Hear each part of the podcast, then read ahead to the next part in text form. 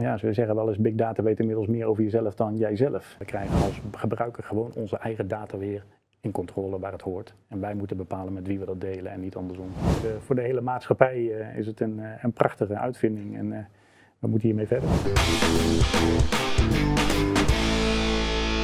Je kijkt naar Café Welsmerts met een volledig nieuw programmaformaat waarin wij ondernemende, vernieuwende ondernemers de kans geven om zichzelf te presenteren en met name ook hun product of dienst over het voetlicht te brengen. En in deze eerste aflevering is mijn gast Robert Jan Lamers van Host Service Nederland. Robert Jan, van harte welkom. Ja, hartelijk dank. Je hebt de primeur. Ja, ja nou, en jullie gefeliciteerd uh, met de doorstart. de Dankjewel. overname. Ja, dankjewel. Uh, we, we hebben er ook ongelooflijk veel zin in. Uh, uh, het heeft een tijdje geduurd voordat het zover was, maar nu, nu is het een feit. Zitten we in een gloednieuwe studio. Ja, mooi. Uh, ons team heeft uh, kosten nog moeite gespaard om er een, een fantastische uh, achtergrond met jouw bedrijf te Ja, er is geen twijfel over hoe het heet. nee, het ziet er gewoon gaaf uit. Ehm, wij kennen elkaar. ja, jouw bedrijf Host Service Nederland houdt zich onder andere bezig met decentraal internet. Mhm. Um, nou, mensen die, die mij een beetje kennen weten dat ik ook iets doe met ehm, uh, oplossingen bieden voor allerlei problemen die big tech met zich meebrengen. Daar gaan we verder niet over hebben. Dat, dat, jij bent vandaag de centrale figuur. Um, waarom is decentraal internet uh, gewenst? Wat, wat, lost het op? Ja, om dat uit te leggen is het denk ik goed om, om uh, even terug te gaan naar hoe het internet ooit begonnen is.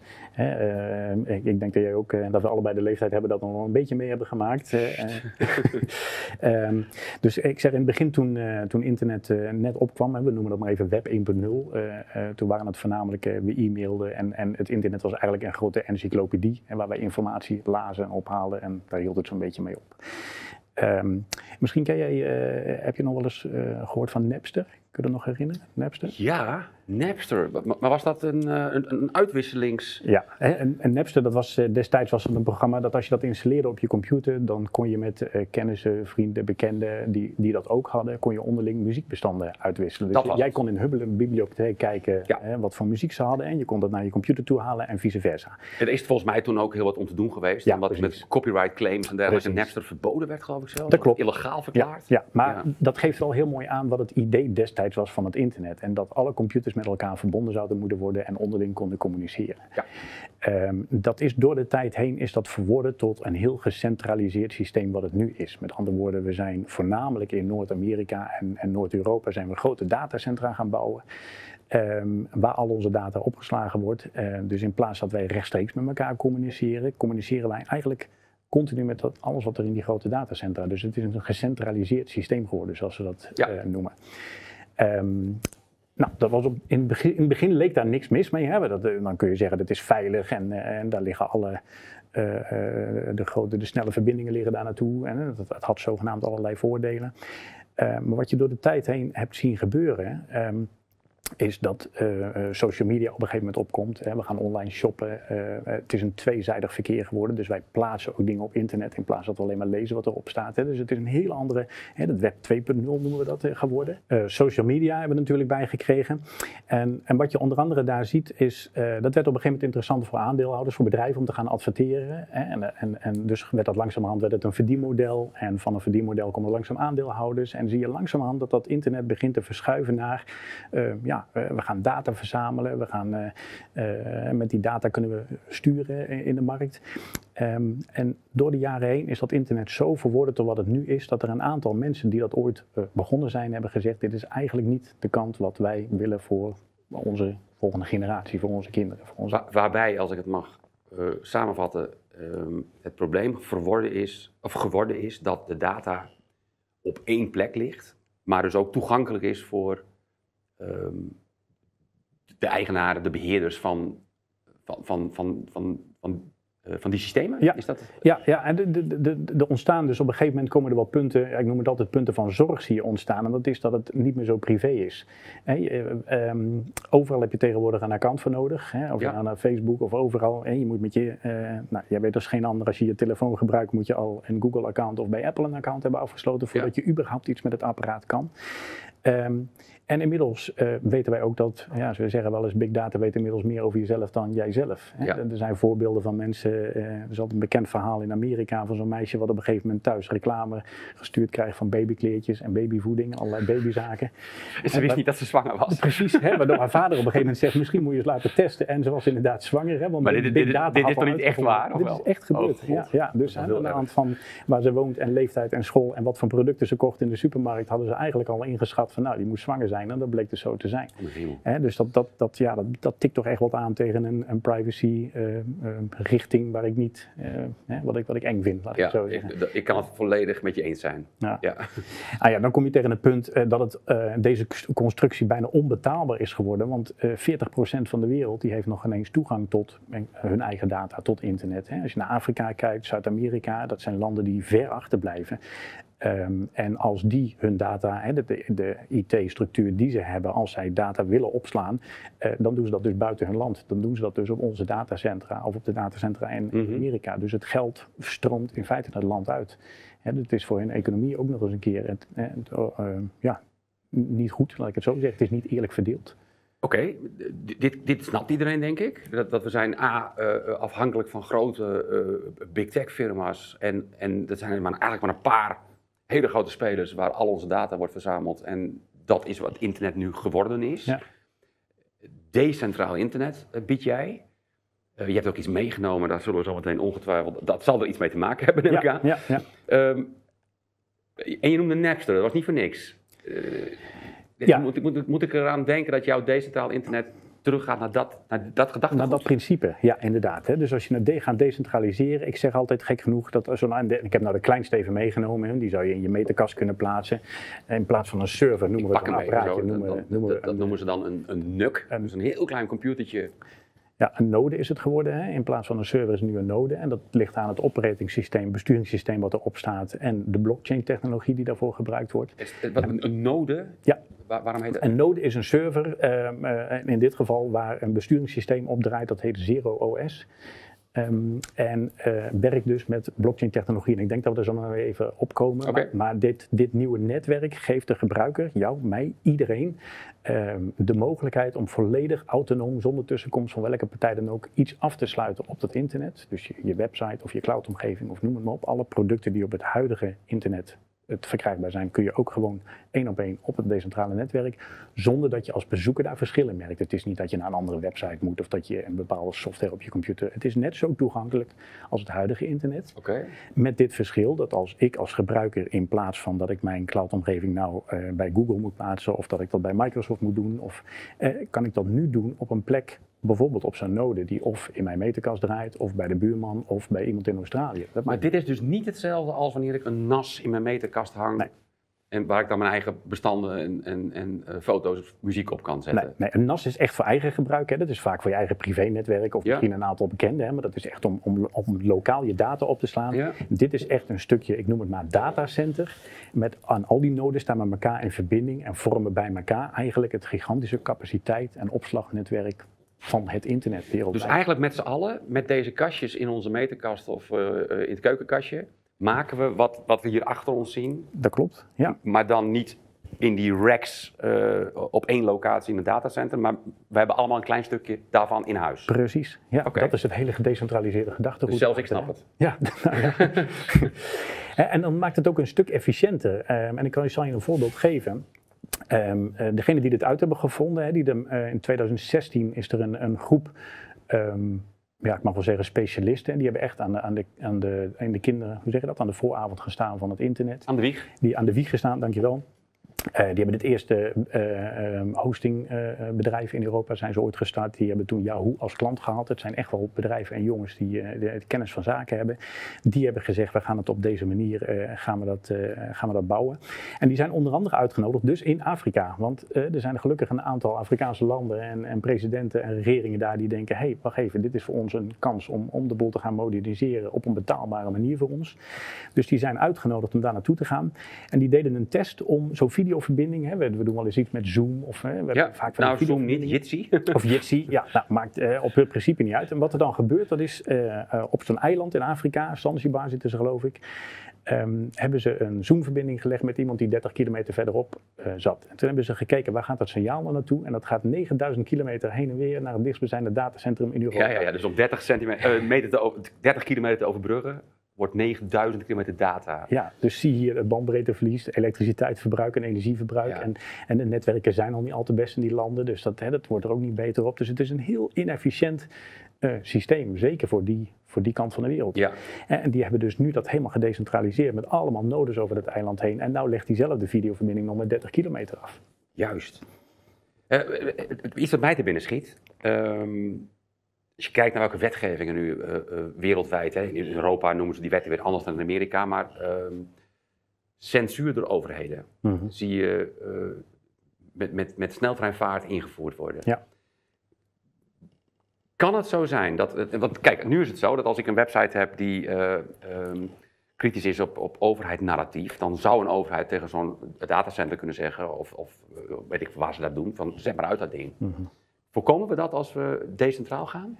Eh, Kijk, het- het is geen poging om buiten de wetgeving om te gaan. Hè. Het is het gewoon een betere oplossing voor, noem het maar de wereld, de samenleving, hè, de duurzamer. En het is, ehm, maar het legt de controle van de data en van de website wel in handen van de gebruiker. Ja. Kijk, nu kan een overheid, en dat zie je gebeuren nu bijvoorbeeld bij eh, X, moeten we tegenwoordig zeggen, hè, bij Twitter. Ja. Elon Musk heeft aangekondigd van, hè, we gaan een nieuw platform starten en ehm, eh, daar, is, eh, hè, daar wordt geen censuur op gepleegd.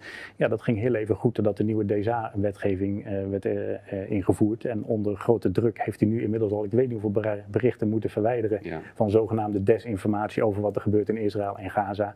Hè, En of dat nou waar is of niet. Maar, hè, dat, en dat is dus het probleem als je dus naar zo'n platform als X gaat.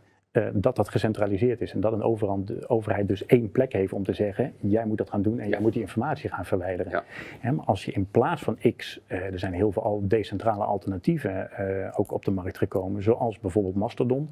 Hè, Mastodon wordt wel gezien als een, een, vorm van Twitter.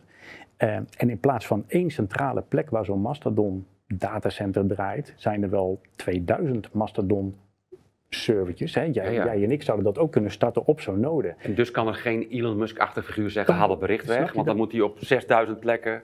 Dat wordt natuurlijk heel lastig. En, jij, Ja. en het mooie daarvan is ook nog eens een keer dat als, jij, eh, als ik als gebruiker bij Mastodon Node 1 mijn account afsluit. En ik krijg op een gegeven moment berichtgeving van jongens, de overheid eh, die, eh, die, die wil het afsluiten of iets dergelijks. Dan kan ik mijn account oppakken en zet ik dat op Mastodon server 10. eh, die misschien wel in Australië draait of iets Ja, dergelijks. ja. Het, is een, het is een heel. en nogmaals, het is niet de bedoeling dat we nou in één keer allemaal zaken gaan doen buiten de wetgeving om. Maar het geeft jou als gebruiker wel de keuze en, en de vrijheid weer. Hè. Dat wordt weer jouw internet. Ja. En we hebben nu het idee gekregen dat het internet van een overheid is of van big tech is. Hè. Daar hebben we het net even over gehad. Ja. 80% van het internetverkeer eh, wordt eh, beheerd door wat wij een hele tijd GAFAM hebben genoemd. Het is nu GAMAM geworden. Hè. Google, Apple, eh, Microsoft, Amazon en... ehm laatste ben ik kwijt. Zijn ook Kom, die Mic- vast Microsoft, Apple, Microsoft. Ja. Ehm, hè, dus 80% ehm, valt, eh, hebben zij onder controle. En ja, de vraag is dan, is dat nou zo verkeerd? Ehm, inmiddels eh, zijn het ook de grootste bedrijven en meest rijke bedrijven die we in de wereld hebben.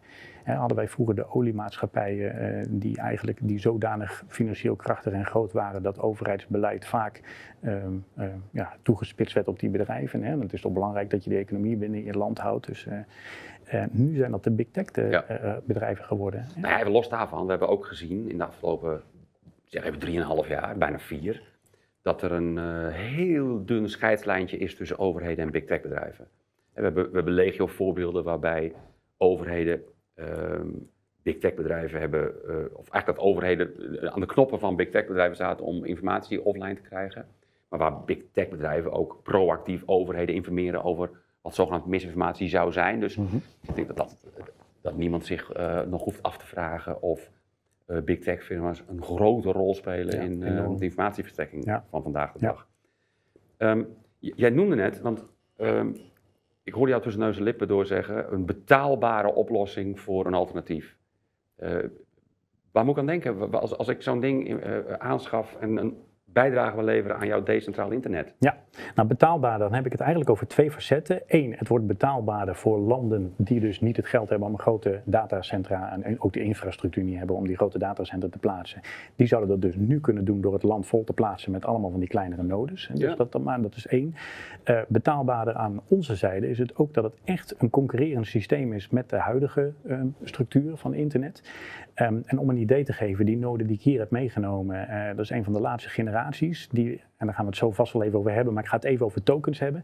Voor het hebben van zo'n node eh, en voor het eigenlijk het verhuren van jouw capaciteit aan het nieuwe decentrale internet als eigenaar zijnde, krijg je iedere maand wat tokens vanuit die blockchain. Er zit niemand achter die op een knopje drukt, maar afhankelijk Oh, van... oh, oh, je gaat, gaat heel snel. Je zegt Ja. vanuit die blockchain, maar ik begrijp dus dat. eh, moet ik denken aan een, aan een, aan een cryptocurrency-achtig. Oké, Ja, ja.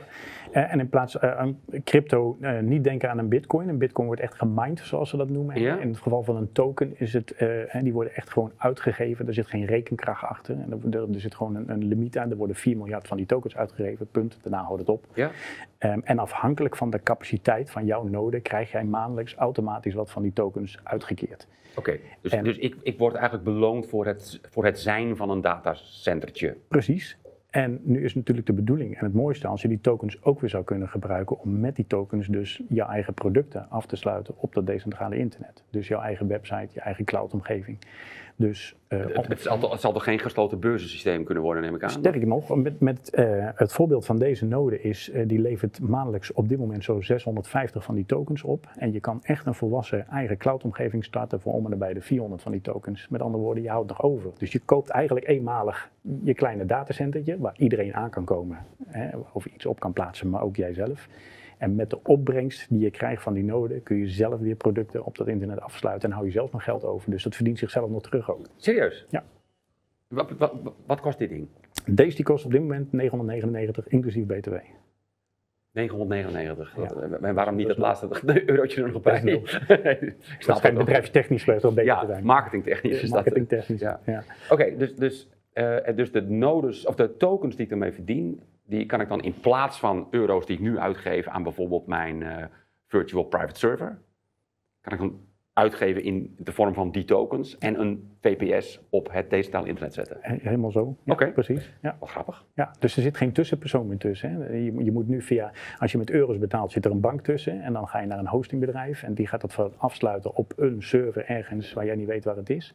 Maar nu kun je dus zelf compleet autonoom met jouw eigen tokens iets afsluiten op welke willekeurige node ter wereld dan ook. En de enige, hè, en betalen met die tokens, de enige die weet dat jij dat hebt, dat is eh, de, de blockchain waar we het over Ja, hebben. Hè. Dat is smart En contract. hoeveel van deze dingen zijn er nu inmiddels in omloop dan, wereldwijd? Duizenden en ook al in 58 landen actief op dit moment. Het is groter dan. eh, En die zijn op een of andere wijze allemaal met elkaar verknoopt. Ja, en ze is heel communiceren Duits trouwens, hè? Verknupt. Maar ja. Ja. ja, het zit heel vernuftig in elkaar. Het is zelfs zo dat de, de nodes onderling met elkaar eh, eh, kunnen communiceren. Dus als de ene node zegt, hey, ik heb eigenlijk wat capaciteit tekort, dan kan die dat van een andere node die een eindje verder staat eh, opdracht geven om, dat, te gaan, om mee te helpen. En dat is ook weer een groot verschil met het huidige systeem. Ik zeg, al, ik zeg altijd wel de enige, die mooie foto's achter ons, de ene server die weet van de andere niet dat die bestaat. Nee, nee. Hè, maar die nodes onderling, die, die maken echt onderdeel uit van een netwerk wat Ja, communiceert ik met snap elkaar. wat je zegt. Als die server achter mij tegen de grens van zijn capaciteit aanloopt, dan moeten er echt dingen bijgeprikt worden. Ja. En nu Ja. leen je het van de buren. Ja, en dat geeft je gelijk een mooi punt aan. De schaalbaarheid, ook dat is een groot probleem. Eh, je ziet nu, als zo'n datacentrum eenmaal vol zit, dan moeten we er een nieuw data- datacentrum naast gaan bouwen. Ja. Dat is precies wat er in Nederland gebeurt. Hè. We hebben het in, eh, eh, volgens mij in de Flevo-polder hebben het geprobeerd. Dat is dan gelukkig afgeketst. Maar ik begrijp dat Microsoft inmiddels weer een gedoogvergunning heeft gekregen voor, het noorden, voor Noord-Holland ergens een gigantisch Ja, datacentrum Ik moet nog even terug, want, want ik, ik, ik zit nog steeds met die capaciteit van die, van die server in mijn hoofd. Dat betekent, als ik zo'n ding aanschaf en in mijn meterkast hang, dan ben ik niet beperkt tot de rekenkracht van dit kastje. Nee, dat klopt. Ik, ik maak gelijk gebruik van die duizenden Ja. in één keer. Ja. En niet alleen de rekenkracht, maar ook de opslagcapaciteit. En, dus, je- dus, dus voor die 999 euro. Maar er zijn, er zijn ook, ik heb ook grotere varianten gezien, toch? Ja, dat klopt. Oké. Ja. En, En wat is het voordeel van die grotere dan? Waarom Nou ja, we gebruiken er ook nog wel een aantal in het datacentrum. En die hebben, kijk, het datacenter op zich biedt wat faciliteiten, zoals snelle verbindingen en het feit dat er IP-adressen worden uitgegeven. Oh ja, tuurlijk. Dus, dus, dus Ik ben, ik ben met mijn kastje, eh, is het, het internetabonnement dat ik heb afgesloten bepaalt hoe hoog mijn up- en downstream is. precies. Ja, Ja, ja. ja. Ja, dus, Dat zou maar- een beperking kunnen zijn, maar je kunt dus ook zeggen, dit ding, en niet deze denk ik, maar er is ook een variant die ik dan in een datacenter laat. Ja, van groot tot klein eh, kunnen we ze maken. En dat doen wij dus als host-service. Hè. Wij ontwerpen ze, we bouwen ze en wij leveren dus wat we noemen gecertificeerde nodes. Je kunt hem ook niet meer ombouwen naar een andere. Hij is echt afgesloten en af. Oké, hij draait helemaal op een eigen systeem. ik kan niet mijn paradepaadje Linux Mint meer hierop dat, gaat, zetten. dat gaat niet lukken. Nee, nee, nee. Dus, eh, hij, dus eh, dat noemen we dus gecertificeerde nodes. Hè. Die, zijn helemaal, die kunnen alleen als node functioneren. Daarvoor krijg je dus ook wat meer van die tokens. En je zou ook zelf zo'n ding kunnen bouwen. En het is open source. Die software is voor iedereen eh, eh, bereikbaar. Dus je zou er zelf in kunnen bouwen voor de handige doe-het-zelf. maar die heeft dan iets minder opbrengst. Eh, en dat is mede door het feit dat een gebruiker zou kunnen zeggen... nou ja, ik trek de stekker eruit en ik zet er weer wat anders op. Ja, dat Ja, is voor ja, de stabiliteit van het netwerk natuurlijk. Aha, dus het feit dat je een gecertificeerde node hebt, die levenslang alleen maar dat kan zijn waarvoor die bedoeld is, Ja. Maakt dat je er meer voor betaald krijgt. Precies, ja. ja. Grappig zeg. Ja, en bedrijven zien nou langzamerhand het nut ook in. Hè. Je, je, je kunt je misschien voorstellen dat je nu eh, als Europees bedrijf en je hebt een grote eh, een seminar in Australië, ik noem maar een zijstraat, en je hebt eigenlijk daar lokaal even capaciteit nodig. Dat kun je op het decentrale in- eh, internet, dus zonder investering in apparatuur, je hoeft er niks naartoe te brengen. Nee. Je kunt gewoon zeggen, ik heb zoveel terabytes aan informatie nodig, je, je plaatst het daar en drie dagen later zeg je, dat was het, je trekt de stekker eruit. En, en, en, en dus Ja, ja, ja. dat is een hele efficiënte manier. Ehm, jij gaat, want, want kijk, er is veel meer over te vertellen dan wat we in dit half uurtje met z'n tweeën gaan doen. Eh, jij gaat op 16 november een webinar eh, geven, begreep ik. Ja, En klopt. kan iedereen daar voor aanmelden en naar kijken? Ja, er zijn een beperkt aantal plaatsen beschikbaar. Dus, hè, maar als je het heel snel volgt, het is online toch, Het is online, ja, en waarom is, het, waarom is het beperkt dan? Dat snap ik dan ineens niet. Nou ja, goed, je koopt zoveel stoeltjes hè, bij zo'n eh, bij zo'n webinar. Hè, en heb je meer stoeltjes nodig dan... hè, De, de aanbieder van het webinar. eh, Precies. eh, Oké, ja, ja. verschillende eh, maar pakketten mocht dat, zo. mocht dat vollopen, dan gaan we het uitbreiden. Of er komt er, hè, we gaan dat, het idee is eigenlijk dat we dat vaker willen gaan doen. eh, en misschien wel periodiek. Eh, Wat leren we in het webinar dat we vandaag niet behandelen? Nou, meer in detail. Hè. Dan ga ik dus ook vertellen eh, hoe ziet dat. eh, Het is makkelijker wat visueel te maken. Hoe ziet dat nieuwe netwerk eruit? Wat zijn nou precies die tokens? Hoe kom ik eraan? Hoe sluit ik dat af? Welke, en eh, het klinkt voor heel veel mensen toch op het moment dat je het over crypto's gaat hebben en over en het woord decentraal. En die vinden dat toch lastig en technisch. En ik merk iedere keer als wij presentaties geven voor grote zalen of voor webinars, eh, dat mensen na die tijd zeggen: Oh, wacht even, nou begint het, nou begint het in te dalen. Maar hè, we hebben daar Ja, ja. gewoon even de tijd voor nodig om dat visueel te maken. En dan gaat iedereen dat snappen. Ehm, als ik mij wil aanmelden, waar doe ik dat? Op onze website hostservice.nl, daar staat op dit moment een grote aanmeldknop onderin. En eh, daar kun je inschrijven voor de webinar op 16 november, s'avonds om half acht. Kosten? Nul. Gratis deze Gratis even niks. Speciaal voor jou. nou, het lief. wat aardig. Oké. Nou ja, maar dan zal ik maar wat, vast wat extra stoeltjes gaan inkopen als ik jou was. Daar, daar hopen we dan maar op. ja. Want hoeveel plekken zijn er nu beschikbaar? Eh, ik geloof 250. En hoeveel heb je er nog vrij? Eh, geen idee, ik heb niet gekeken. Oh, oké. nee, nee, nee, we hebben het ook vrij eh, recent online gebracht. Dus, maar nogmaals, wat ik zeg, als dat volloopt, dan gaan we de week daarna, dan halen we het. en dat geeft mensen ook hopelijk de gelegenheid om wat vragen te stellen in, in de chat die ernaast loopt. Dus dan kunnen we het een beetje interactief maken. Gaaf. Ja. Nou, ik wist er al een beetje van. Ik heb me wel verteld dat Erik, ik moet hier over praten. Want deze taal internet en de dingetjes die ik eh, naast Weltsmets doe, die, die horen bij elkaar, heb jij gezegd. Ja. Ik snap nu ook waarom, overigens. Ehm, zijn er nog punten eh, over decentraal internet die we nu niet besproken hebben, maar die jij wel van je hart moet? Nou, van mijn hart, eh, je zegt het net al aan, hè, waar we bij elkaar komen. eh, een veel gestelde vraag die mensen stellen, die, is, is kom ik dan los van big tech? En Mhm. Dat is eigenlijk een vraag die, denk ik, wij allebei veel krijgen. Ehm, en ik zelf geef dan altijd eh, aan, ik zeg volgens mij zijn er drie facetten nodig als je daarover na wil denken. Eén, je hebt een gedecentraliseerd netwerk nodig. Dat is dus wat wij aan het bouwen zijn hiermee. Ja. Eh, twee, eh, je zou echt naar je, aan, de, aan de cliëntkant moeten kijken naar je mobiele telefoon, welk besturingssysteem daarop draait en je laptop. Hè, dat, En applicaties en software. en applicaties die er, inderdaad. En als derde zijn het ook alternatieve applicaties. Ik noemde net al in plaats van X zou je kunnen overwegen om naar Mastodon te gaan. In In plaats van You- Zoom doe je Jitsi. In plaats van YouTube kun je PeerTube. Hè. Er zijn Ja. allerlei decentrale alternatieven. ehm, dus, eh, dus ja, daar komen wij elkaar dan ook vaak tegen. Hè. Je- Ja. Dus, eh, ehm, dus ja, die mogelijkheden zijn er. Het is gewoon, eh, ik denk voor de hele maatschappij eh, is het een, eh, een prachtige uitvinding. En eh, we moeten hiermee verder. Dus, dit, dus eigenlijk eh, ehm, zijn er allerlei mogelijkheden en alternatieven waarmee we veel meer controle over onze eigen data krijgen. En, en, volgens mij op deze manier ook weer een hele stap eh, nemen naar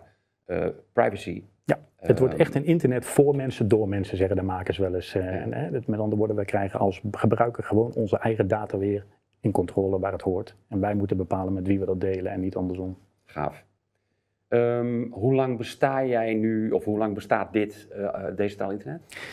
Eh, ze zijn in, de- ik, ik zelf ben al in, in de webhosting actief sinds 1999. eh, eh, met decentraal internet eh, ongeveer 2,5 jaar nu. Eh, maar de makers die zijn in 2016 al begonnen met, eh, met, met bouwen eigenlijk. En zo rond, ja, ik moet zeggen 2020 was het echt al zodanig volwassen dat het is gaan eh, eh, uitgebreid is. Echt tot de markt is Ja, gebracht. ik, ik vraag het omdat ik, ik verwacht eigenlijk dat er, dat er nu mensen zijn die denken van ja, maar hier, hier wil ik eh, aan meedoen. Het lijkt me heel leuk als wij over een half jaar of, of over een jaar nog een keer hier aan tafel aanschuiven om eens te kijken van hoe staat het dan? Ja. Dus jij zegt dat in die eh 2016 zei je, hè? Ja. dus in die zeven jaar eh, duizenden, eh, is, dat, is het reëel om te denken dat het er tienduizenden kunnen worden in korte tijd?